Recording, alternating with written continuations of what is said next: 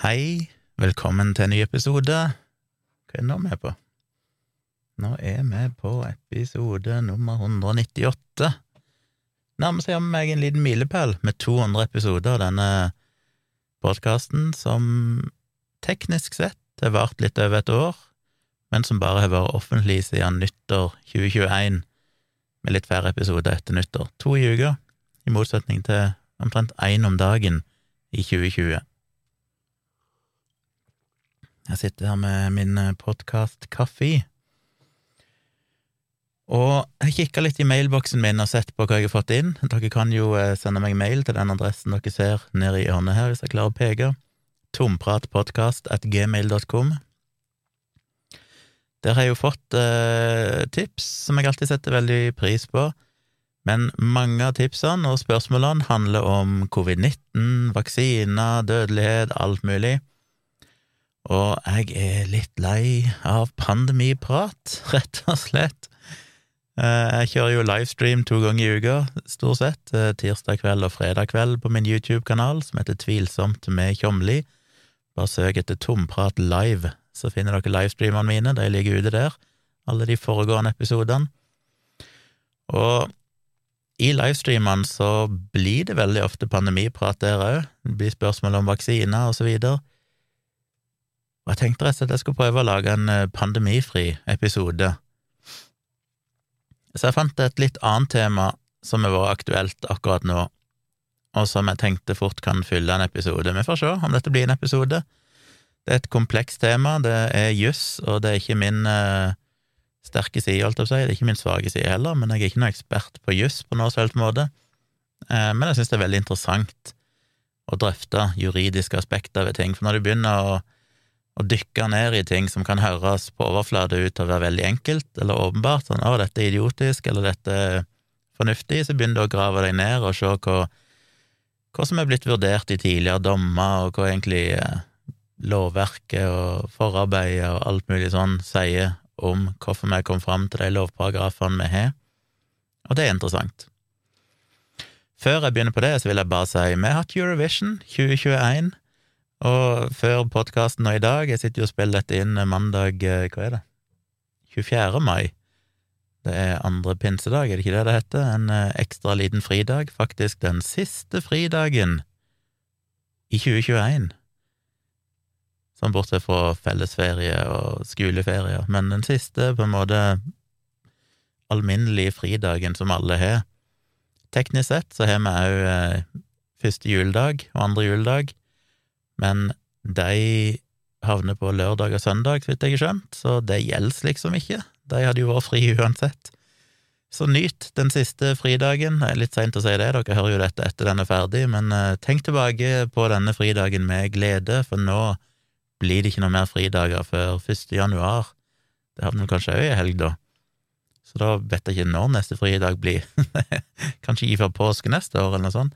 Gudene vet. Men ja, en spesiell dag som jeg må markere. Jeg har ikke brukt dagen på å sove litt lenger enn vanlig, gått en, en god tur med min samboer og min hund rundt om her i nabolaget, fått strekt litt på beina, og så kollapsa jeg inne på soverommet foran TV og YouTube, og måtte jo se litt Americans React to Eurovision, for det er gøy. Det er gøy å se hva amerikanere tenker om Eurovision, det er jo et ganske sært fenomen for dem. Og jeg har jo vært opp og ned med Eurovision. Jeg var jo veldig fan av Grand Prix, som jeg kalte det, tilbake igjen på 80-tallet, 90-tallet, men så falt det vel litt av i en del år. Og jeg merker jo det nå, når jeg ser sånne tidligere vinnere, hvis det er vinnere fra tidlig 2000-tall og sånn, så er det litt sånn hæ, det har jeg aldri hørt før, jeg aldri, kjenner ikke til denne sangen. Men de siste årene så har det tatt seg litt opp igjen, litt påvirka av min nåværende, for så vidt min forhenværende samboer, som var ganske Eurovision-fans, og fikk meg med til å se på det. Og det jeg merker Det, det er lett å harselere med Eurovision, og jeg må jo si at jeg, med fare for at jeg sikkert har vært en av de folkene sjøl, så føles det veldig påtatt når du har de som sitter på Twitter og Facebook og skal erklære hvor dårlig musikk dette er, og hvor lite det interesserer de. Det er sånn, ja, ok, finn på noe annet, og Det, er ikke så fryktelig interessant. Eh, du, ikke, du fremstår ikke som eh, musikalsk eller moralsk høyverdig fordi du ikke gidder å se på Eurovision. Og det er lett da, å feie bort, hva heter det, avfeie Eurovision som at dette er en samling med drittmusikk. Og når du hører det første gang, så er det vanskelig av og til å svelge en del av sangene. Ehm, de siste årene så føler jeg jo det har vært en og annen sang som virkelig er bra, som er sånn oi, denne kunne jo ha funka på radioen helt uavhengig av Eurovision, men ofte så føler en jo at eh, ni av ti sanger er temmelig dårlige. Inklusiv meg sjøl til en viss grad. Jeg så semifinale én, jeg så semifinale to, og jeg så finalen. Jeg syns jo semifinale én hadde vesentlig bedre sanger enn semifinale to. Eh, toeren var det lite å rope hurra for. Men da finalen kom, så syns jeg jo egentlig veldig mange av sangene er bra, og det har vokst på meg, og det tror jeg jeg må gi det en sjanse. Ofte så kan det være vanskelig å svelge de sangene fordi de kanskje høres litt annerledes ut enn det vi er vant til. De har jo ofte et litt sånn eh, preg ifra kulturen og landet der de kommer ifra, som kan være litt fremmed for vårt øre.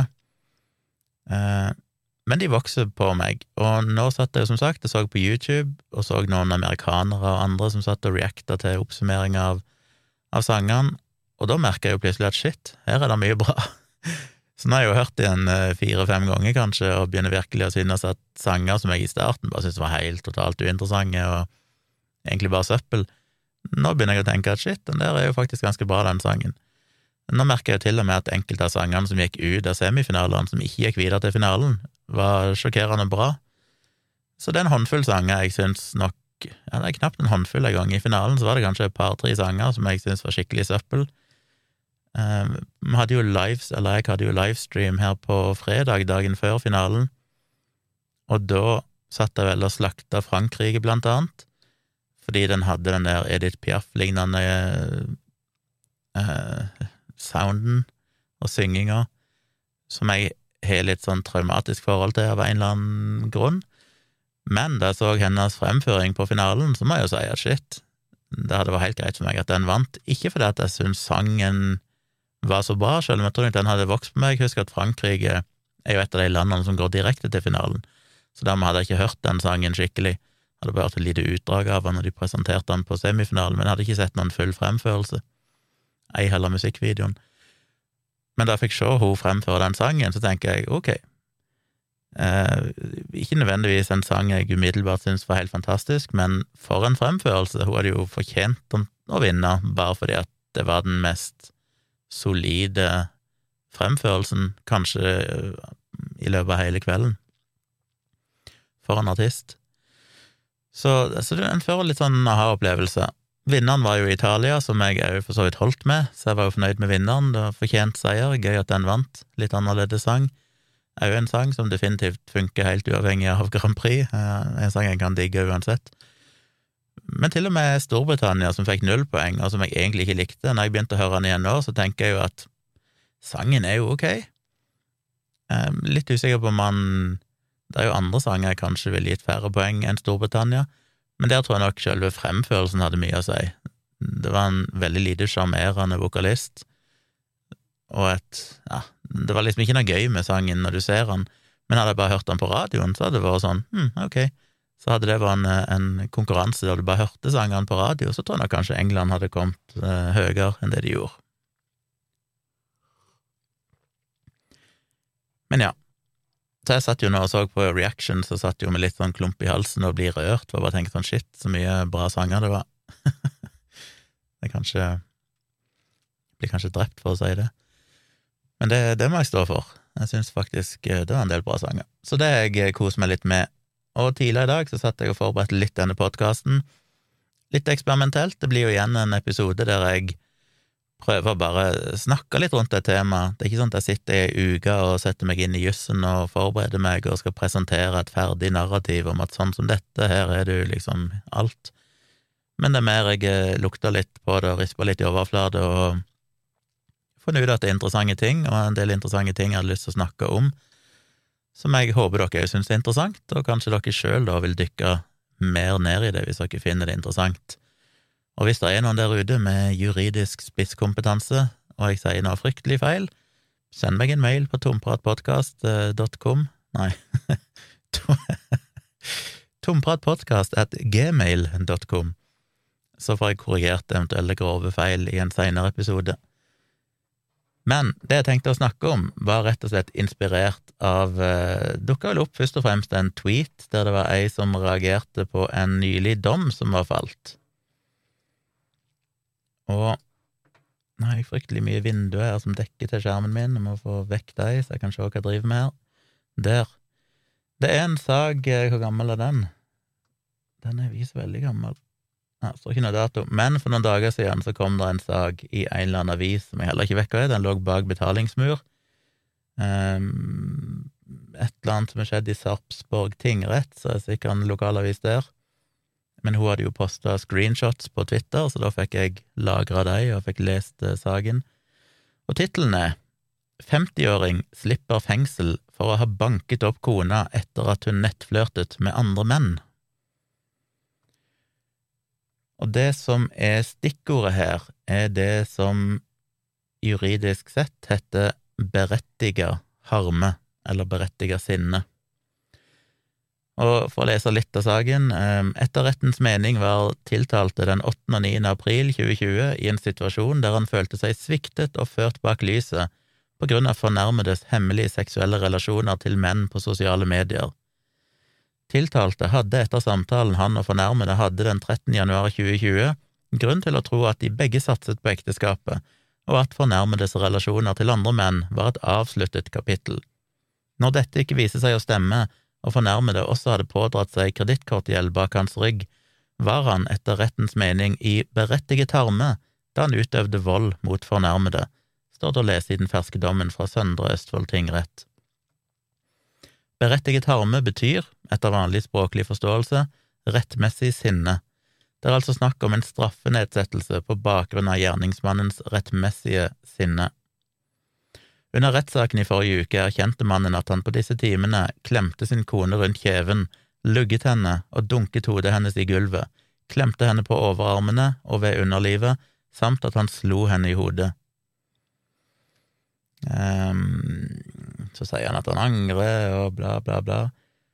I dommen står det å lese at den 50 år gamle mannen 13. januar i fjor oppdaget at hans kone hadde en seksualisert relasjon med en annen mann på Messenger, og han fikk da vite at dette var en mann kone hadde hatt kontakt med over mange år. Det fremgår av dommen at ekteparet ble enige om å satse på ekteskapet, og ble enige om at kona skulle avslutte kontakten med mannen og ikke være på sosiale medier. Men da kalenderen viste 8. april samme år, ble ektemannen gjort kjent med at kona hadde opprettet en Snapchat-profil, og at hun hadde seksualisert kontakt med en ny mann på dette mediet. Ja. Så var det noe kredittkortgjeld og noe greier. Den 50 år gamle Sarpsborg-mannen forklarte i retten at det klikket for han da han fikk disse nye opplysningene, og drakk store mengder alkohol. Han mener det var alkoholpåvirkningen som gjorde at han ikke klarte å kontrollere seg, og at han utøvde vold mot sin kone. Eh, I dommen så ser de da vekk ifra selvforskyldt rus, det er ikke noe forsvar, så han blei funnet skyldig i å ha utøvd vold mot kvinnen. Hun ble påført blåmerker på hage og på oversida av leppa, kul i bakhovet, blåmerker ved det ene øyet, blåmerker rundt håndledd og på overarmer og på innsiden av begge lår. Hun forklarte at hun hadde hatt smerter i hodet, hake og håndledd i to–tre uker, at hun var borte for jobb en dag, at hun hadde mareritt om hendelsen en periode, men at hun ikke hadde noen fysiske eller psykiske plager som følge av hendelsen per i dag, som cirka et år seinere. Så politiadvokaten la ned påstand om at 50-åringen skulle dømmes til fengsel i 45 dager. Forsvareren mente at eh, klienten måtte, ans måtte anses på mildest mulig måte. Så en samla tingrett mente at konas handlinger forut for voldshandlingene skal føre til en mildere straff for 50-åringen. Og det trodde jeg sto i artikkelen her, men det gjør det ikke. Men jeg er ganske sikker på at han endte opp med å bli dømt til fengselsstraff, men da fikk en litt kortere straff enn ellers på grunn av at de mente at punktet om berettiget harme, eller rettmessig sinne, var formildende omstendighet. Og det har jo mange reagert på. kan virkelig det være eh, regna som en formildende omstendighet? Skal han si at ja, hvis noen har vært utro eller et eller annet i et forhold, så legitimerer det til et vis at du kan banke de opp? Et veldig interessant spørsmål som på overflata høres uh, crazy ut. Det er sånn, nei, det er ingenting som, som uh, forsvarer at du bruker vold mot din partner eller andre, uansett hvordan de måtte ha provosert deg uh, på en sånn måte. Og det var jo min umiddelbare reaksjon, og det er for så vidt min konklusjon, at det ikke er greit. Men det var likevel interessant å dykke litt ned i hva betyr egentlig dette. Og i lovverket så har du i straffeloven paragraf 80 så har du noe som heter fastsetting av straff under minstestraffen eller til en mildere straffart. Straffen kan settes under minstestraffen i straffebudet eller til en mildere straffart når lovbryteren Og så kommer det masse punkter, for eksempel eh, Ja, de mest kjente er for eksempel hvis han, han eller hun har avlagt en uforbeholden tilståelse eller har handla på grunn av et avhengighetsforhold til en annen deltaker, eller har deltatt i bare liten grad, eller det handler om nødverge, nødrett, selvtekt. Men så kommer det punktet som da er relevant her, som er punkt E, eller bokstav E, har handlet i berettiget harme, under tvang eller under overhengende fare. Og så vidt jeg har skjønt, så vil ikke disse punktene her gjøre at du blir fritatt for straff eh, normalt. Jeg vet ikke om det går an. Jeg følte jeg leste litt forskjellige ting der, men jeg skjønte at det primært bare handler om at du kan få litt nedsatt straff. Så det er ikke sånn at i denne saken heller at denne mannen gikk fri. Det er ikke sånn at en sier at ja, ok, det var greit, så dette var ikke straffbart. Det var definitivt straffbart. Eh, han ble straffa, men du kan altså få en litt mildere dom, og du kan til og med sette en, en straff som ligger under minstestraffen hvis det er formildende omstendigheter som dette. Um, og så er det jo interessant, da, hva ligger i dette? Hvordan skal en tenke? Og det er alltid interessant med lovverket å tenke litt rundt hvor mye skal intensjoner ha å si? Ehm, vi har jo diskutert det litt, meg og Dag Sørås, i, i podkasten Dialogisk. Jeg er ikke helt sikker på hva jeg mener, eh, for eksempel med hatkriminalitet. Skal det være en forskjell på om du banker opp noen bare fordi du er en fuckface og er en voldelig idiot, eh, eller drikker deg dritings og blir forbanna og banker opp noen? Skal det være forskjell på det? Skal du få en, en strengere straff for det, eller mildere straff, enn hvis du banker opp noen fordi vedkommende er homofil? Burde det gi samme straffeutmåling, for det offeret har vært utsatt for den samme graden av vold og, og sånn, altså skal på en måte intensjonen og hensikten ha noe å si. I dag så er det jo sånn at hatkriminalitet blir behandla annerledes enn hvis du bare går løs på en random person på gata. Så disse tingene er alltid interessante.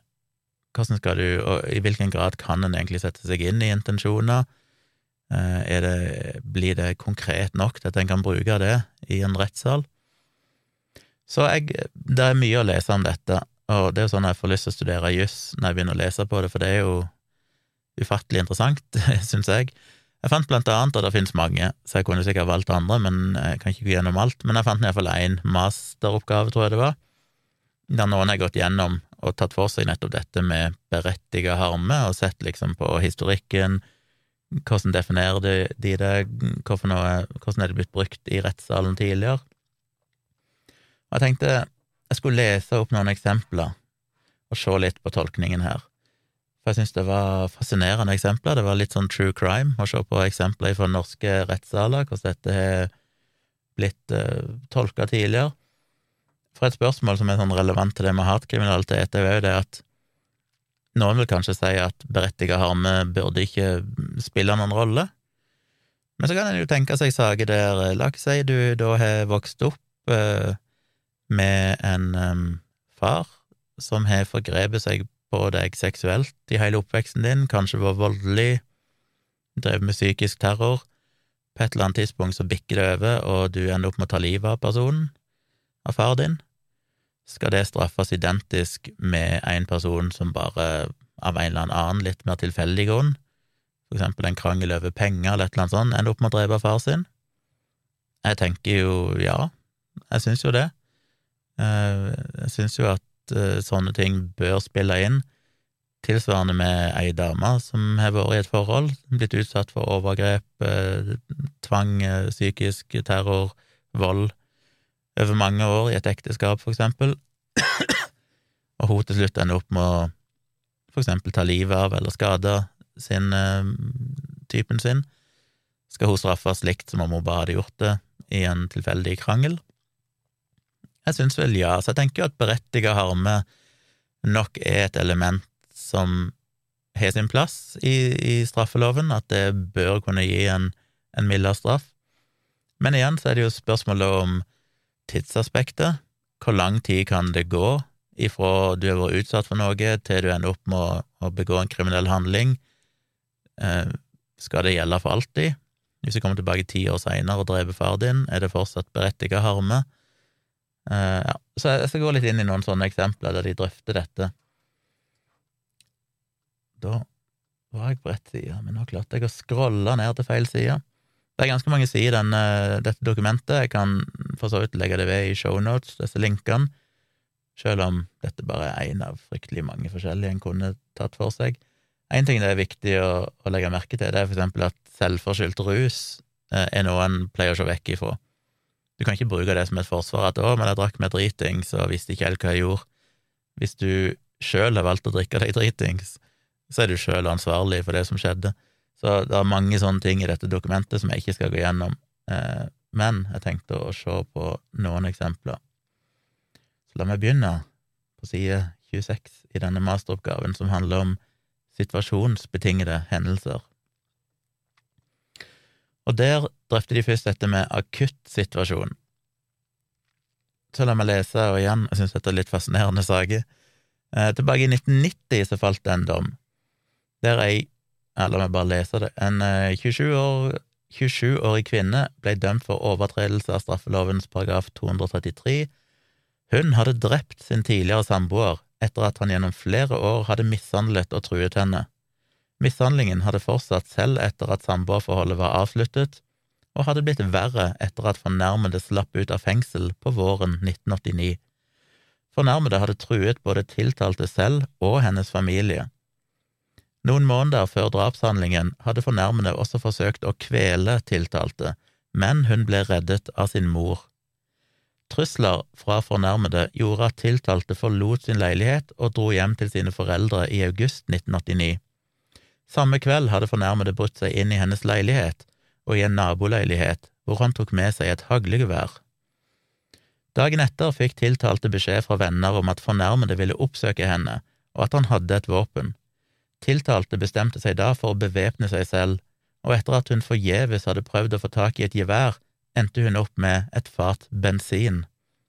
Da fornærmede kom på døren, ble han sluppet inn, hvoretter tiltalte helte bensin over ham og ba sin nabo som var til stede, om å tenne en fakkel.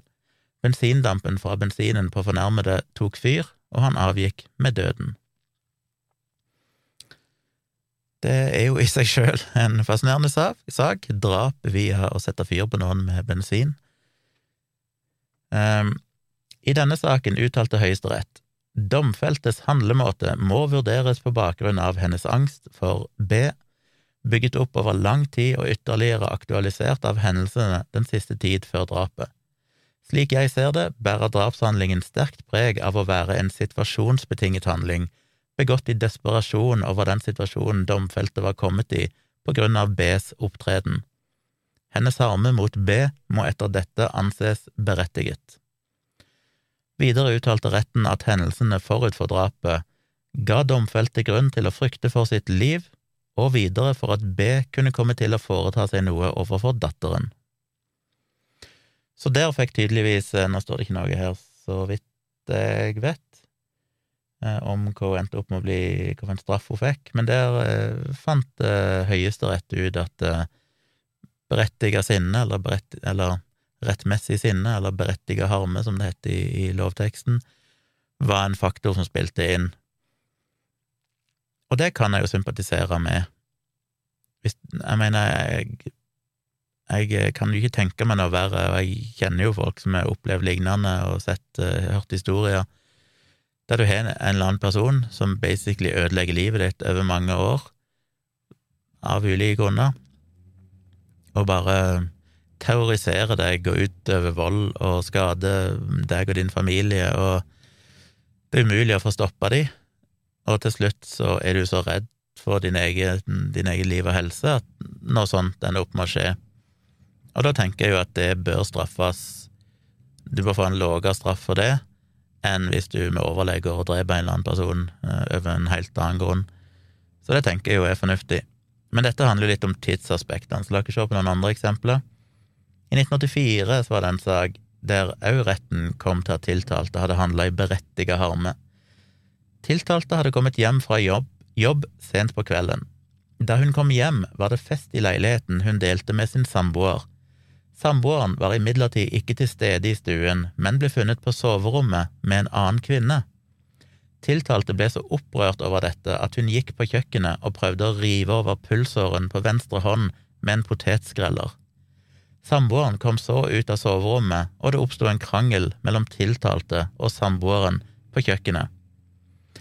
Da kvinnen som samboeren hadde blitt funnet liggende i sengen med, kom naken ut i stuen, hentet tiltalte en kniv og stakk henne i brystet med denne.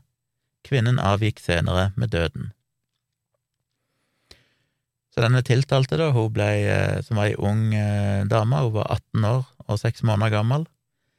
Hun ble dømt for drap etter straffelovens paragraf 233 første ledd, men Høyesterett uttalte i forbindelse med straffeutmålingen at jeg legger da vesentlig vekt på at den 18 år og 6 måneder gamle piken foretok sin handling i en særdeles markert akutt situasjon som må ha virket sterkt provoserende på henne, og således brakt henne i berettiget sterk harme. Da skriver han videre i denne masteroppgaven i begge de to overnevnte sakene kom Høyesterett altså til at tiltalte hadde handlet i berettiget harme, selv om retten i eh, den saken med hun unge jenta i 1984 ikke eksplisitt uttaler at det dreier seg om en situasjonsbetinget hendelse, tyder det at retten ikke nevner noe om det nettopp på at det dreier seg om en slik. Hvis det ikke hadde dreid seg om en situasjonsbetinget hendelse, ville domstolen, som følger at det skal utvises forsiktighet med å bruke Så skriver de her paragraf 56 nummer 1b, men det tror jeg er ifølge gammel straffelov, for nå er det paragraf 80, eh, for det er vel det vi snakker om her. Skal være forsiktig med å bruke den paragrafen utenfor de situasjonsbetingede hendelser. Nok sett behovet for å begrunne anvendelsen av berettiget harme på tilfellet. Begge de tiltalte ble dømt for drap, men omstendighetene rundt drapene var svært forskjellige. I den saken fra 1990 var tiltalte lenge blitt plaget og mishandlet av samboeren, noe som førte til at hun hadde en begrunnet redsel for ham. I den andre saken fra 1984 var det imidlertid ingen faremoment med i bildet. Her var det kun tiltalte sinne over samboerens svik som førte til at retten kom til at hun hadde handlet i berettiget harme. Det som likevel er likt i de to sakene, er at retten beskriver begge situasjoner som akutte. For oss ja. Så hva tenker dere om det? To veldig forskjellige saker, tenker jeg. Den første skjønner jeg veldig godt. Du har blitt terrorisert, det har vært vold med i bildet, fyren har vært fengsla, kom ut av fengselet, fortsetter å terrorisere og trakassere eh, ei dame, sjøl etter at samboerforholdet er slutt, og terroriserer familien. Dette er genuin frykt for liv og helse, de får høre at han skal komme og besøke dem med våpen. Det er lett å forstå at det er på grensa til sånn selvforsvarshandling, eh, som òg er en, en måte du kan få mildere straff på, men her gikk de altså for dette med beredt heftige harme. Den andre saken derimot er ikke så klar for meg. Hun, den er jo egentlig ganske lik den nye saken som jeg innleda med, med han 50-åringen som banka opp kona for at han så hun hadde flørta med andre, eller hatt seksualisert eh, flørt med andre i sosiale medier. Fordi her er det ei, ei jente, da, eller ei dame på 18 15 år, som kommer hjem, finner typen sin i seng med ei annen dame, og ender opp med å drepe dama. Jeg må si jeg har litt problemer med å akseptere at du da skal få få en mildere dom på grunn av at de mener det er berettiget harme, for det blir jo veldig likt den andre saken, den nye saken med han 50-åringen, Det er sånn, ja, det er selvfølgelig jækla kjipt å finne ut at eh, kjæresten din er utro, men skal han bruke det som et argument for at du skal få en mildere dom hvis hun går til det skrittet å drepe noen? Eh, jeg skjønner jo at denne jenta selvfølgelig tok det ekstremt tungt ettersom hun først prøvde å ta livet sitt fordi hun fant kjæresten sin i seng med ei annen dame. Så her er det jo sikkert flere faktorer som spiller inn, men de trakk jo fram dette med berettiget harme, og jeg sliter nok litt med den, og jeg tror nok òg i disse sakene så Uten at jeg vet det, det er en gammel sak, 1984, men det føles vel som at det kanskje er større reaksjon hvis ei dame som er offeret, at det da er sånn Oi, vi kan ikke bruke berettiget harme her. Men i det tilfellet jeg nevnte nå, fra 1984, så var det jo ei dame som endte opp med å drepe ei annen dame. Um, da blir det kanskje ikke like mye reaksjoner, av en eller annen grunn, så det er jo et aspekt å ta med seg. Men så drøftes det jo videre dette med tidsaspektet her, eller tidsmoment, og viser da til en sak fra 2002, for de to første sakene var jo det som ble regnet som akutte situasjoner. Det er noe som skjer her og nå, som utløser den kriminelle handlingen. Det er veldig kort tid, altså komprimert tid, eh, handlingen skjer på. Men hva hvis det tar lengre tid? Hvor lang tid kan vi tillate å fortsatt si at det er berettiget harme? Så I 2002 så var det ei ung kvinne som hadde drept sin far. Faren hadde begått seksuelle overgrep mot datteren, men det var på drapstidspunktet 15 år siden overgrepene hadde opphørt. Her sluttet Høyesterett seg til lagmannsrettens vurdering av at drapet ikke var begått i berettiget harme. Dette ble begrunnet med at utspringet til drapet ikke var å spore i farens handlinger i tiden før drapet fant sted. Videre bemerker retten at denne bestemmelsen tar i første rekke sikte på de situasjonsbetingede tilfellene hvor retten etter en vurdering finner at et nært foregående, en nært foregående atferd fra fornærmede side gjør harmen berettiget. Eh, retten viser videre til praksis, spesielt eh, en eller annen sak fra 1998, hvor prinsippet om forsiktighet ved bruk av berettiget harme ut, uh, utenom de situasjonsbetingede hendelser kommer fram. Så viser de da til denne saken i 1998, som eh, er Ja, de skriver egentlig ikke om den saken her. Tydeligvis et eller annet dramatisk greie med noe brannstiftelse og, og et eller annet. For begge disse dommene hvor hendelsen ikke ble ansett å være situasjonsbetinget, vektlegger retten den tiden som har gått mellom provokasjonen og tiltaltes gjengjeldelse. Kravet til situasjonsbetingelse synes dermed å inneholde et tidsmoment.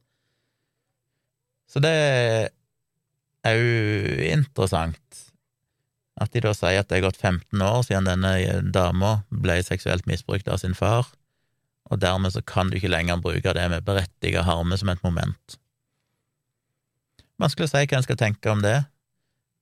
Jeg har ikke noe svar. Jeg skjønner jo at eh, det de sier, at de vil være veldig forsiktige med å bruke dette med berettiget harme. Det skal være relativt smalt og godt definert når du kan bruke det til å gi noen en mildere straff, spesielt når det er snakk om et drap. Samtidig så vet vi jo at folk som blir utsatt for um, seksuelle overgrep, i snitt venter i hva er det, 17 år eller sånn før de anmelder til politiet. Eh, det tar fryktelig lang tid å prosessere og komme til et sted i livet der du kanskje føler deg i stand til å kunne anmelde den type overgrep. Kanskje det burde spille inn her, at en kan ikke forvente at Ja, en skal ikke forvente at du dreper gjerningsmannen uansett, men at det ikke er urimelig å anta at enkelte handlinger kan være en provoserende greie akkurat der og da, mens andre ting av naturlige, menneskelige, psykologiske årsaker kan ta fryktelig mange år før det spiller inn, og kanskje det ikke er så relevant.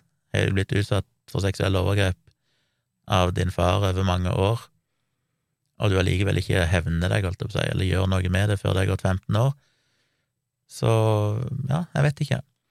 Men da kommer jo egentlig litt av stikkordet her, det jeg nevnte med hevn. For litt av grunnen til at de har dette, eller kanskje hovedgrunnen til at de har dette med, med at det skal være akutt, at dette tidsaspektet er relevant, er nettopp fordi de ønsker å unngå at berettiget harme kan brukes til å forsvare det en gjerne kaller for borger, borgervern, kan vi kalle det. Eh, vi ønsker ikke et samfunn der folk sjøl utøver straff. Vi ønsker at staten skal ha den rollen, sånn at det er rettferdig, og det blir fratatt eller fjerna for de som faktisk er involvert i saken, siden de aldri vil være objektive på noe selvsvis. Så det er jo litt for å hevne risikoen for at, nei, å, å unngå risikoen for at du skal kunne akseptere en form for borgervern, eller at du, du tar saken i dine egne hender og sier at ja, men her ble jeg utsatt for et eller annet, og dermed så hadde jeg rett til å, å hevne meg. Og det andre er nettopp ordet hevn. Vi ønsker ikke et Straffesystemet skal egentlig ikke ta hevn som en faktor, så vidt jeg har skjønt, og det syns jeg er veldig bra. Vi skal ikke si at hevn er legitim grunn for å utøve vold eller en eller annen kriminell handling. Ikke, vi ønsker ikke det i samfunnet. Hevn skal ikke være et aspekt i dette. Og det gjelder jo òg i forbindelse med måten vi straffer kriminelle på i Norge. Vi i Norge har et straffesystem som ikke i prinsippet skal være basert på hevn. Hvis noen utfører en kriminell handling, og vi setter de i fengsel, så skal ikke motivet for det i utgangspunktet være at samfunnet hevner seg på gjerningspersonen. Eh, I andre land, kanskje i USA og andre, så kan en kanskje argumentere for at det er mer akseptert og mer eh, en større faktor i det. Mulig at jeg er helt feil, det er mitt inntrykk. Men i Norge så skal ikke det være en, en faktor. Vi ønsker å straffe folk fordi både for å skjerme samfunnet ifra en person som kan være farlig, òg eh, for at vi trenger å straffe, nettopp for å unngå at folk sjøl tar saken i egne hender, skal vi sikre at det blir skal vi sikre rettssikkerhet og at vi har et uh, rettferdig samfunn, så må vi påføre folk en straff for kriminelle handlinger, ellers så vil det, vil det nok gå mye verre. Alternativet er nok verre hvis folk begynner å føle at her, her ikke rettferdigheten skjedd fyldest, og begynner å ta saken i sine egne hender, så vil det nok bli enda verre. Så vi trenger en viss form for straff ifra staten. Og så er det jo rehabilitering. Vi ønsker jo i prinsippet å ha en idé om at folk skal kunne eh, avtjene sin straff, eller få sin straff, og så skal de komme ut som i utgangspunktet uskyldige, frie mennesker, på lik linje med alle andre. Men hevn skal ikke være et aspekt i dette, vi skal ikke hevne noe på en person. Så er det andre aspekter. Tidsavbruddets varighet, det er òg en drøfting her. Hvor lang tid skal det vare? Og det, det, det syns jeg Jeg elsker jo dette, for jeg syns det er gøy med sånn flisespikking. Her er det en dom fra 2008. Saken dreide seg om en legemsfornærmelse. Tiltalte hadde havnet i en krangel med fornærmede i en drosjekø etter en kveld ute på byen. Krangelen hadde utviklet seg til småknuffing mellom de to partene, og fornærmede skal blant annet ha slått eller dyttet tiltalte i magen. Situasjonen roet seg etter hvert, og tiltalte gikk da til en kiosk like i nærheten av drosjeholdeplassen for å kjøpe seg kaffe. Det var imidlertid lang kø inne i kiosken, og tiltalte ombestemte seg og gikk tilbake til drosjekøen. Det var da tiltalte kom tilbake til Nei, det var da tiltalte kom tilbake til drosjekøen at han, uten forvarsel, gikk bort til fornærmede og dyttet eller slo ham i ansiktet så han falt i bakken og mistet bevisstheten et kort øyeblikk. Og der har jo eh, tingretten da drøfta dette tidsmomentet, eh, der tiltalte eh, hadde Forsvareren hadde sagt at han måtte gå straffefri fordi at eh, den volden han hadde utført, kom som en reaksjon på en provokasjon ifra fornærmede. Eh, tingretten la til grunn at det hadde funnet sted en forutgående provokasjon fra fornærmedes side, at tiltalte valgte å forlate drosjekøen for å kjøpe seg kaffe, representerte imidlertid et tidsavbrudd i hendelsesforløpet. Selv om tiltalte ikke var lenge borte, burde tidsavbruddet like fullt vært tilstrekkelig til at tiltalte fikk ting litt på avstand. Tingretten kom til at tiltalte ikke kunne gå straffefri i medhold av paragraf 228. Av utdraget ser det ikke ut som tingretten har tatt stilling til om, om tiltalte handlet i berettiget harme. Så her er det jo et eksempel på at de vil han skal gå straffefri. Som jeg sa innledningsvis, så jeg tolker det som at den berettiga harme i utgangspunktet ikke gjør at du blir fritatt for straff, for at du bare kan få en mildere straff. Eh, og de har jo ikke heller spesifikt pekt på dette med berettiga harme her, de vil jo bare han skal gå fri på grunn av en, en forutgående provokasjon. Men det gjorde han ikke. tingretten kom til en dom der de mente at selv om han gikk av gårde, skulle kjøpe kaffe og kom tilbake, eller nettopp fordi han gjorde det, så hadde det vært en slags pause, og den varte ikke så veldig lenge, det er vel snakk om minutter, men det var nok til at han burde på en måte fått kjølt seg ned og fått etterliv på avstand, og dermed mente de at han eh, var fullstendig skyldig og måtte få en, en vanlig straff fordi han hadde kommet tilbake igjen da og, og dytta eller slått han andre i bakken. Men dette ble åpenbart anka, og i lagmannsretten så drøfta de jo dette tidsmomentet. Og der sa de det tidsmessige avbruddet mellom de, den provoserende handling og tiltaltes reaksjon, fordi tiltalte gikk til en kiosk i nærheten og tilbake, gjør tiltaltes reaksjon til en grovere handling enn om han hadde dyttet vekk fornærmede i en pågående krangel. Lagmannsretten finner likevel at tidsintervallet fra tids tiltalte gikk ut av situasjonen til han var tilbake igjen i køen, var så kort at dette ikke fratar tiltaltes reaksjon karakteren av en handling begått i harme og var forutgående provokasjon. Så tingretten mente at det hadde gått nok tid til at når han kom tilbake igjen, så kunne du ikke bruke dette med berettiget harme som et element, mens lagmannsretten mente at selv om han hadde gått vekk og kom tilbake, så var det fortsatt del av samme hendelse, at provokasjonen var så tidsmessig nærme, at de mente at dette med berettiget harme faktisk var relevant, at denne forutgående provokasjonen var utløsende, og, og han hadde rettmessig sinne overfor det. Um, ja. Så lagmannsretten mente ikke altså at det hadde gått lang nok tid. Gikk det lenger? Um, så var det en annen sak fra 2013. Der sier de at uh, der var det en konflikt mellom tiltalte og fornærmede.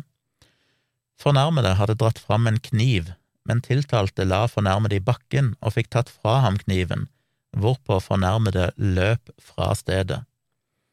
Tiltalte dro da hjem, vasket av seg og gikk ut for å finne fornærmede igjen for å hevne seg retten bemerket i forbindelse med drøftelsen av berettiget harme. Lagmannsretten finner ikke grunnlag for anvendelse av bestemmelsen i vår sak. Den første hendelsen hadde løst seg ved at tiltalte hadde overmannet fornærmede og tatt fra ham kniven. Fornærmede hadde deretter løpt fra tiltalte. Det gikk om lag en halvtimes tid fra tiltalte forlot fornærmede og til han møtte han på nytt. Tiltalte hadde i mellomtiden vært hjemme og vasket blod fra såret, før han bestemte seg for å gå og lete etter fornærmede. På veien tok han med seg en jernstang. I lys av dette fremstår ikke handlingen å ha slik umiddelbar sammenheng at bestemmelsen etter prinsippene ja, bla, bla, bla, dette med brettige harme, kan få anvendelse. Så her var det snakk om en halvtime, altså, ifra de hadde hatt en krangel eh, som involverte en kniv, men ingen ble alvorlig skadd. Han gikk hjem og vaska seg, og så kom han tilbake igjen med en jernstang, og det står ikke noe om hva som skjedde, men det ble kanskje utøvd en form for vold. Jeg tror ikke det var noe drap inne i bildet her, men, men ja. Men da mente altså lagmannsretten at siden det hadde gått en halvtime mellom den innledende provokasjonen og den endelige saken, voldshandlingen, så var det for lang tid til at de mente at dette med at det ikke var en umiddelbar sammenheng, og dermed var ikke dette med berettiget harme relevant lenger. En annen sak, i 2005, der hadde tiltalte tatt drosje til fornærmedes bopel og slått ham ned. Bakgrunnen for angrepet var at fornærmede i flere år hadde sjikanert tiltalte ved telefonoppringninger og via SMS. På dagen for angrepet hadde fornærmede ringt eller sendt SMS til tiltalte 21 ganger i tidsrommet mellom klokka 19.44 og 23.00. Tingretten kom til at tiltalte ikke hadde handlet i berettiget harme, og uttalte Retten kan imidlertid ikke se at tiltaltes handling ble begått i en affekttilstand som kan karakteriseres som berettiget harme etter denne bestemmelsen. Det vises til det som er sagt overfor angående Det vises til det som er sagt ovenfor angående overskridelse av nødverge. I forhold til vurderingen av overskridelse av nødverge vurderte ting, tingretten det slik at tiltaltes handling bar et visst preg av planlegging, og at tiltalte under drosjeturen fremstår som rolig og behersket, ikke ute av balanse.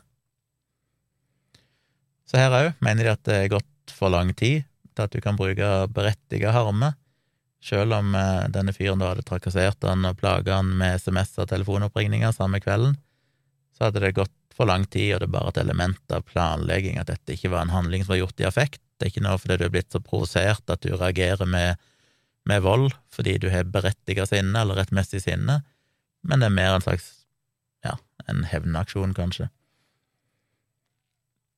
Så igjen så er dette med tid, altså, ganske relevant. Um, ja, så drøfter de jo litt dette med hvor grov denne provokasjonen faktisk må være før dette med berettiget harme er relevant. Um, skal vi se La meg gå videre til et annet aspekt, som er berettiget harme bygger opp over tid. Og der er det òg eh, litt drøfting av det, den saken vi snakket om tidligere, der noen har blitt utfatt for overgrep eller et eller annet over lengre tid så mener de at det er et aspekt. Um, og da sier de en høyesterettssak fra 1985 Forholdene, eller den eh, paragrafen om berettiget harme, etter forholdene kan anvendes selv om harmen ikke er utløst ved en umiddelbar forutgående krenkende opptreden fra fornærmede side, men har bygd seg opp gjennom krenkelser over et lengre tidsrom.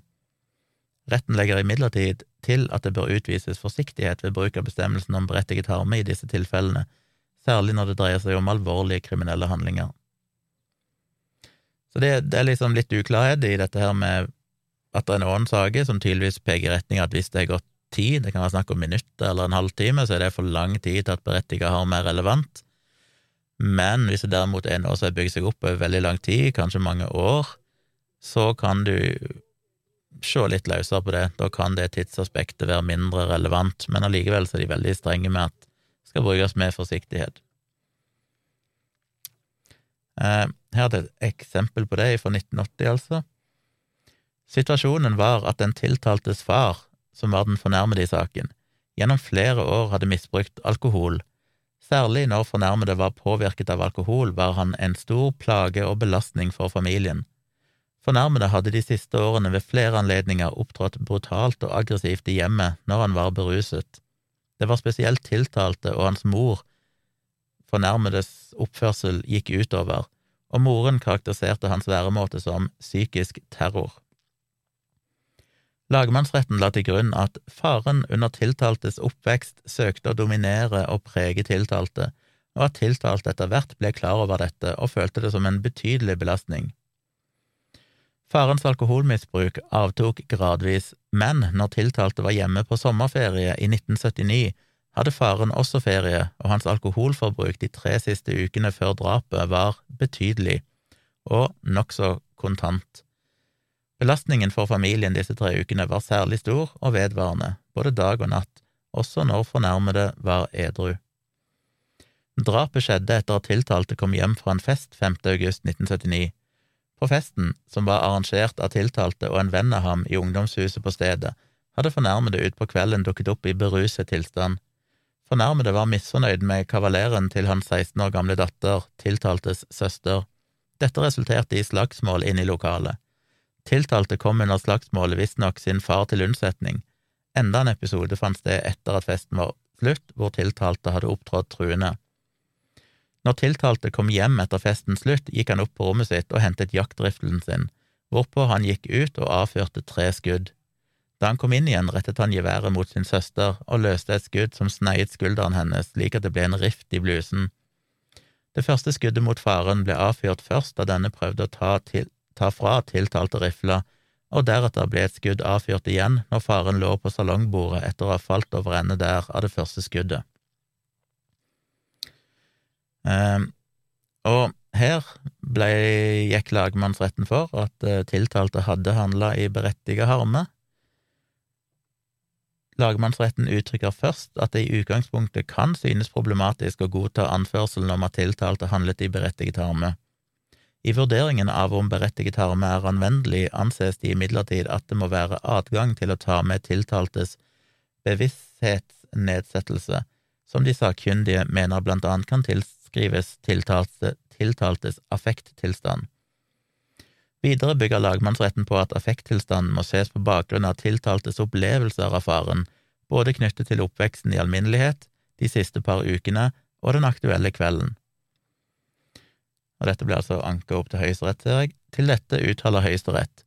Lagmannsretten legger her til grunn at en berettiget harme vil kunne bygge seg opp gjennom krenkelser og ydmykelser over et langt tidsrom, og at forholdet mellom domfelte og faren ble særlig tilspisset ved det som skjedde drapskvelden og de siste to–tre ukene forut for drapet. Etter mitt skjønn har lagmannsretten lagt til grunn en riktig forståelse av uttrykket berettiget harme. En annen sak fra 1986.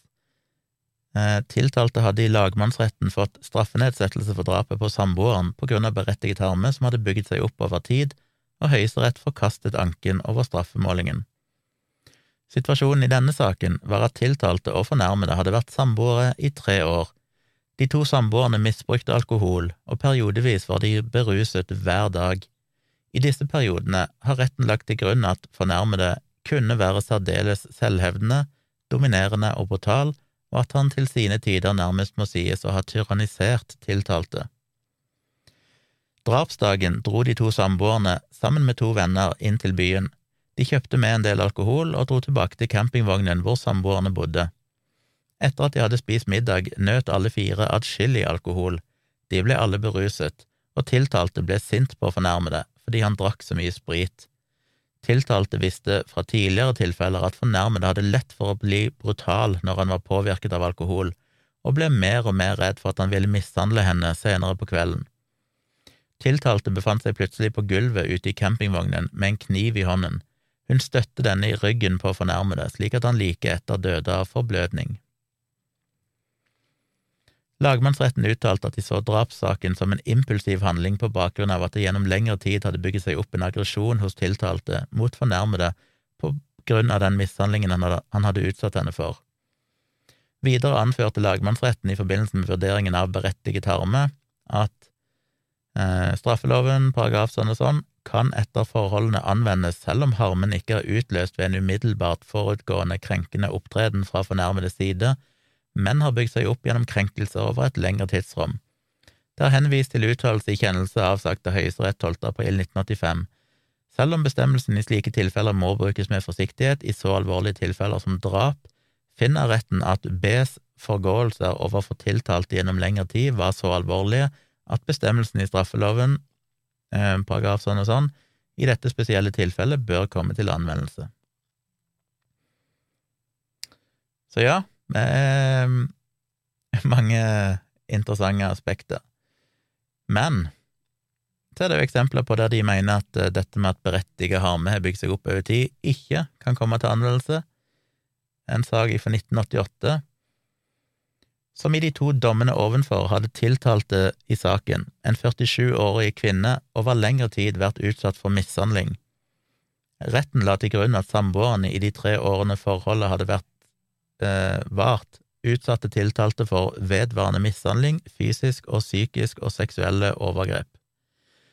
Tiltalte var dømt for ildspåsettelse av sin rekkehusleilighet mens samboeren befant seg i boligen sovende. Samboeren våknet og klarte å redde seg ut ved å hoppe ut av soveromsvinduet i annen etasje. Han unnslapp hendelsen med forbrenningsskader og diverse kutt.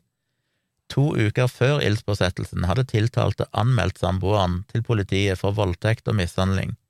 Etter politianmeldelsen hadde tiltalte flyttet inn hos sin mor, men på ettermiddagen dagen før hendelsen ble tiltalte med hjem sammen med fornærmede etter jobb. De to hadde nytt atskillig alkohol utover kvelden, og det hadde oppstått en krangel mellom dem utover natten. Tiltalte ble imidlertid ikke utsatt for mishandling denne natten, det var på formiddagen dagen derpå at tiltalte tente på huset. Selv så bemerker da eh, Hvem var det? Ja, iallfall rettssalen, vet ikke hvilken rettsinstans det var, men selv om domfelte hadde vært utsatt for alvorlige krenkelser gjennom lang tid fra sin samboer, forelå ingen akutt eller tilspisset situasjon der det straffbare forholdet fant sted. Domfelte hadde da 14 dagers tid etter politianmeldelsen bodd hos sin mor. Retten bemerker også at tiltalte ikke hadde blitt utsatt for noen mishandling kvelden før. Ja, det gikk helt opp til Høyesterett, og de la vekt på at uh, hun hadde flytta hjem til mor si. Uh, Det betyr at hun hadde mulighet til å komme seg ut av den uh, situasjonen hun var, og det hadde ikke skjedd noe mishandling den kvelden hun endte opp med å tenne fyr på, på boligen. Så fornærmedes oppførelse ga ikke tiltalte grunn til å frykte nye overgrep i nærmeste fremtid. Han hadde ikke opptrådt på en måte som aktualiserte den oppmagasinerte harmen. Så det tyder igjen på at det, det kan i utgangspunktet ser det ut ifra de dommene som er falt, at du kan ha harme, berettiget harme, som har bygd seg opp over lengre tid, men det må i utgangspunktet være en, en aktualisering av den frykten. Det må skje et eller annet innen nært foregående til den kriminelle handlingen som gir de grunn til å, å kunne bruke dette med berettiget harme. Så selv om det har vært vold og trakassering og voldtekt som har pågått over lengre tid, så lenge det er gått i dette tilfellet, var det et par uker, og det ikke skjedde noe rett før hun endte opp med å tenne fyr på boligen, eh, som heldigvis ikke førte til noe dødsfall, så ikke det er godt nok. Hadde han gjort noe med henne den kvelden, vært voldelig eller noe sånt, så kunne det med berettiget harme da blitt spesielt relevant igjen, spesielt fordi at han hadde gjort dette over lengre tid tidligere. Og så er det flere drøftinger, en kan jo gå videre og videre, de drøfter dette med underlegenhet, um, og så snakker de om proporsjonalitet, at det er klart at berettiget harme skal òg være proporsjonalt med det du er blitt utsatt for. Så hvis noen kommer og dasker deg på kinnet, så kan du ikke gå og drepe dem etterpå og si at ja, men det var berettiget harme, det var en uh, forutgående provokasjon. Uh, det må stå i stil til den gjerningen som blir gjennomført. Hvis du da dreper noen etter at de har gjort noe som er relativt mildt, så vil ikke denne formildende omstendigheten være relevant. Um, ja, og her er det flere og flere fascinerende saker. som jo er gøy å lese. Det er trist. Jeg begynte jo å tenke på den saken jeg leste tidligere, med han sønnen som endte opp med å drepe far sin. Jeg eh, var sammen med ei dame for en ti års tid siden som eh, bodde i et hus der det var flere leiligheter, og han ene som bodde i leilighet der, han fortalte om meg etter først har fortalt meg at han hadde vært forelska i henne lenge, og tydeligvis var litt sånn eh, ja, opptatt av henne, litt besatt av henne, tror jeg. Så kom plutselig jeg inn der og flyttet inn med henne, eller flytta ikke inn med henne, men jeg overnatta jo der ganske ofte, for hun bodde et lite stykke unna der jeg bodde. Så når jeg besøkte henne, så ble det jo til at jeg overnatta. Og så fikk jeg høre at eh, han hadde jo sittet i fengsel lenge fordi han hadde drept far sin. Og det er jo i var kanskje ikke så høy i hatten over at en fyr som jeg oppfatta kanskje var ganske sjalu på meg, var en uh, dømt morder. Men jeg begynte jo bare å tenke på hvor mange sånne saker er det der noen har, har drept far sin, og jeg, fikk aldri høre detaljene i den saken, men jeg antok vel der òg at det er nok uh, bare måten han fremsto på, som er ganske sånn han, ikke, han, så ikke ut som en typisk kriminell person, han så ganske puslete og stakkarslig ut, rett og slett. Nesten så jeg tenkte sånn, hæ, kan det være den saken? Det passer sånn tidsmessig òg. Hvis han ble fengsla en eller annen gang tidlig på åttitallet, og gudene vet hvor lang straff han fikk, men jeg vet ikke hvor lenge han hadde vært fri heller. Kan selvfølgelig være en helt annen person, men jeg begynte bare å lure om det, det kan være den saken hans. Sikkert ikke det. Så ja, jeg kunne gått videre med mange ting. Jeg skal lenke til denne masteroppgaven, så kan dere jo lese sjøl. Den er jo på ganske mange sider.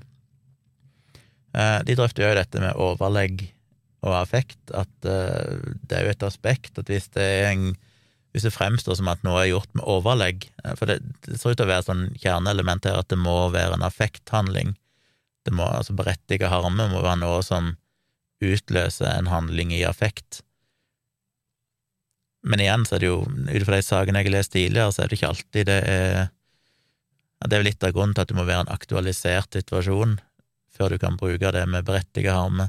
Så hvis noen har vært utsatt for vold og overgrep og et eller annet eh, over lengre tid, men det er gått og kanskje måneder eller år, og det ikke skjer en, en ny situasjon som gjør at personen handler i affekt, så kan du kanskje ikke bruke det affektargumentet lenger. Hvis du da ti år seinere kommer og dreper far din fordi han utsatte deg for vold i din oppvekst, så bærer det mer preg av både hevn og at det er gjort med overlegg. Eh, og dette med berettiget harme blir ikke da nødvendigvis relevant lenger, uansett hvor forferdelig en måtte ha hatt det i oppveksten, for eksempel. Uh, ja, så kommer de inn på dette med hevnmotiv. Det skal altså da ikke være et element av hevn i det, for da er det heller ikke affekt på samme vis. Så ja, en interessant drøfting, syns jeg, som jeg uh, syns var litt gøy å lese om. Så hva tenker jeg om det? Jeg vet ikke. hva tenker jeg om den siste saken? Eh, som jeg begynte med, han 50-åringen som da eh, var voldelig mot sin samboer fordi han hadde funnet ut hun var utro. Jeg syns jo ikke det er greit, jeg er jo veldig antivold, jeg mener jo egentlig at det ikke fins Jeg ja, ja, det er jo for meg litt vanskelig å se i de sakene som er nevnt, hvis det er noen som er utsatt for vold og overgrep over lengre tid, for eksempel, hvorfor ikke det er blitt en politisak? Eh, målet må jo selvfølgelig være at politiet skal komme inn i bildet, og at dette skal da bli en, en, en sak som blir stilt for retten, og at de skal avgjøre dette. Hvorfor får det pågå så lang tid? Jeg skjønner jo selvfølgelig at hvis det er noen som har blitt utsatt for seksuelle overgrep av sin far, og det er aldri blitt anmeldt av, av årsaker jeg snakket om tidligere, så har jo ikke politiet vært inne i bildet, og da føler en kanskje at en må ta saken i egne hender, men nettopp der tenker jeg jo at dette burde vel vært meldt til politiet. Kanskje det var det, men er ikke, ingen er blitt dømt på grunn av eh, bevisestilling. Det er ikke noe bevis for at det faktisk er skjedd, og overgriperen da går fri, og så på et eller annet tidspunkt så ender det opp med en, en tragedie igjen. Men eh, jeg er jo ikke noen tilhenger av at vold skal brukes. Der jeg nok er mest sympatisk, er i de sakene der det føles som at du ikke kom, du føler deg fanga. Det er noen som bedriver psykisk, eh, kanskje fysisk terror og igjen, dette er noe vi snakka litt om i dialogisk tidligere, men jeg kjenner sjøl sånne situasjoner der det er folk som har vært utsatt for den type trakassering på en måte som Du kan ikke anmelde det, for det vedkommende er kanskje ikke har kanskje ikke møtt opp eller gjort noe fysisk. Mm, kanskje du kunne fått et besøksforbud, men igjen må du ha dokumentasjon på det, og det kan være grunner til at det føles vanskelig å rippe opp i, det kan være veldig personlige ting som en kanskje ikke ønsker skal komme fram i lyset. Det kan jo være utroskap, for eksempel, en ønsker ikke å gjøre et nummer ut av saken fordi en sjøl kanskje har vært utro. Eh, jeg var borti en sånn situasjon for noen år siden med ei jeg kjente som ble utsatt for den type trakassering, og jeg òg kom jo til et punkt der jeg tenkte sånn, hva gjør han med dette? Hvordan kan hun få et normalt liv igjen når hun har en eller annen stalker som driver og trakasserer henne via SMS og telefoner og sender brev? Og legge ut ting i sosiale medier, opprette Facebook-sider der de vedkommende blir hengt ut. Eh, det er vanskelig å få stoppa det, for det er en person som ikke egentlig er tråkka over grensa til å være voldelig eller noe sånt, men det er jo en enorm psykisk belastning. Får ikke politiet til å egentlig gjøre noe med det. Så da kom jeg jo et sånt punkt der jeg tenkte sånn shit, det eneste en kan gjøre, det er å leie inn uh, russisk mafia til å komme med et balltre på døra og gi han en lærepenge og si nå, nå gir du faen med dette, eller så og jeg er jo ikke noe tilhenger av vold, men det kommer til et punkt der du føler sånn Denne personen ødelegger livet til opptil flere personer. Det var jo andre som var involvert. Det var vel en sak med at han hadde mista jobben i en barnehage, og så oppretta han Facebook-side og drev og hang ut hun lederen for barnehagen med alt mulig drøye påstander. Så hun òg sleit jo skikkelig med det. Og jeg òg ble jo til dels et offer der jeg òg, uten at det påvirka meg så mye, var ganske uskyldig, men han anklager jo meg òg, og anmeldte meg jo til politiet for helt absurde ting. En person jeg aldri har møtt, jeg visste ikke hvem det var engang, enten at jeg hadde sett han i sosiale medier. Helt absurd, og du bare tenker sånn, folk sliter jo tydeligvis med et eller annet, men hvordan får du stoppa de? Eh, løsningen er jo i utgangspunktet ikke vold, men det er jo òg frustrerende at det kan være et sånn gap der det er folk som kan gå veldig langt i å ødelegge andre sine liv, men de holder seg akkurat innafor der egentlig politiet kan stoppe de, eller du kan få en dom på de. Så I sånne situasjoner skjønner jeg at folk kan bli så provosert at det ender opp i en eller annen voldelig handling, og der kan jeg forstå dette med berettiget harme. Du føler deg fanga, du føler deg hjelpeløs, du har ingen annen utvei for å få livet ditt tilbake igjen. Uh, så det kan jeg forstå, men, men det er vanskelig, synes jeg, å trekke de grensene, og det viser jo disse sakene òg. Det er mye drøftinger rundt dette, når kan en bruke berettiget harme? Jeg så at eh, Ap i 2017 de ønska å fjerne dette med berettiga harme, at det skulle ikke telle med i saker som gjaldt partnervold, og det kom vel spesielt etter en sak i 2016 eh, der en mann Uh, I utgangspunktet det ble lagt ned påstand om at han skulle bli dømt til 75 dagers fengsel, men så slapp han unna med 30 timers samfunnsstraff istedenfor, på grunnlag av dette med at retten kom fram til at han hadde foretatt en handling i berettiget harme. Og det var jo en drøy sak, det var en 36-åring som hadde låst opp mobilen til kona mens hun sov, ved at han hadde tatt hånda hennes og brukt fingeren mens hun sov, til å låse opp telefonen hennes og så hadde han gått inn der, og så hadde han funnet bilde av at hun hadde hatt sex med en annen mann, altså hadde vært utro. Og han hadde da, ja, hva han hadde gjort, hadde vel utøvd vold, tydeligvis, iallfall, mot henne. Men han fikk da som sagt en ganske mild dom, med bare 30 timers samfunnsstraff, fordi de mente at det var berettiget harme. Og der var det jo en spesielt interessant sak, for det var òg et aspekt med at ja, men den berettiget harmen hadde jo han egentlig påført seg sjøl ved at han hadde brutt loven ved å låse opp telefonen hennes mot hennes vilje, som ikke er lov. Han hadde altså snokt i hennes private greier, og da funnet informasjon som gjorde at han gikk og drakk seg dritings, og så banka han henne vel opp etterpå. Eh, og dermed så er det på en måte en sånn selvpåført berettiget harme, eller selvpåført, mener jeg, provokasjon, og da er jo spørsmål med både dette med at han drakk seg full, og mener at det skulle være et aspekt. Han hadde sjøl låst opp telefonen eh, mot hennes vilje, holdt si, mens hun sov, og funnet den informasjonen, og mye greier. Og det, i den tida ble det jo mye medieskriveri om dette, og diskusjoner i sosiale medier med kan en virkelig Er det riktig å, si at dette var berettiget harme? Så de to sakene jeg har funnet, gjelder jo da spesielt damer som har blitt utsatt for vold, partnervold fordi mannen har funnet ut at hun er utro. Men som jeg nevnte i en tidligere sak, så var det jo ei dame òg som drepte eh, ei elskerinne eller et eller annet til manntypen sin, fordi hun hadde oppdaga at typen var utro. Så det går jo litt begge veier. Men bør dette da tas vekk? Bør ikke berettige harme være relevant i partnervoldssaker? Jeg synes jo det er en litt ting, merkelig ting å be om, for du kan jo snu på det. La oss si at denne dama da hadde blitt utsatt for vold eller overgrep av mannen sin over lengre tid, og endte opp da med å slå han i skallen med en hammer eller drepe han i verste fall. Skal du da bruke det argumentet der òg, med at ja, men uh, berettiget harme skal ikke være relevant når det er partnervold? I det tilfellet så er det jo damer som har vært utsatt for langtids uh, og bygd seg opp uh, berettiget harme over tid. Eller om det bare skjedde én gang, la oss si mannen plutselig banker opp, og så gjør hun noe i retur som ender opp med å skade han. Eh, skal ikke det heller være berettiget harme, da?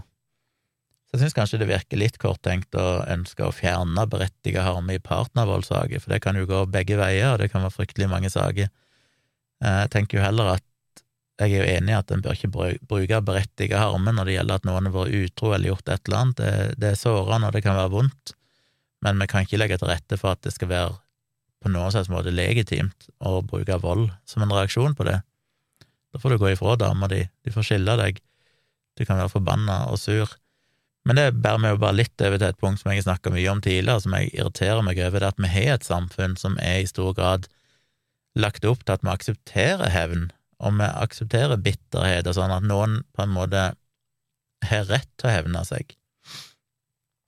Og dette ser jeg jo ofte i eh, saker der par har gått ifra hverandre, Kanskje fordi den ene parten var utro, så blir det slutt. Og spesielt hvis de er unger, så har jeg sett flere eksempler fra folk jeg har møtt og snakka med, og, og, hørt andre historier, der de gjerne oppfører seg ufordragelig overfor eksen, og det går utover ungene, de bruker ungene i, i, konflikten og sånn. Og så slipper en litt unna med det, for det er sånn at ja, men du har rett til det, du føler du har rett til å være forbanna, du har rett til å være bitter, for denne personen gjorde noe galt mot deg, gjorde noe som såra deg, og kanskje var årsaken til at eh, forholdet ble slutt. Men jeg syns ikke det er greit. Jeg syns på en måte uh, Jeg skjønner jo følelsen, men jeg har jo sjøl blitt utsatt for ting som jeg ikke syns var greit. men jeg har vanskelig med å forstå at noen som helst i hele verden vinner på at noen mener at du har rett til å være bitter, du har rett til å hevne deg. Og det tror jeg vi legitimerer i samfunnet, så legitimerer vi den holdningen, og det bare skader enda flere mennesker, fordi du ender opp med en, en eller annen part og en eks da, som kanskje blir utsatt for uh, Greit nok at vedkommende kanskje har gjort noe galt, men skal de da lide for det i årevis? Skal de da miste muligheten til å se ungene sine? Skal de ha et for et dårlig forhold uh, til ungene sine og familie og sånn på grunn av dette?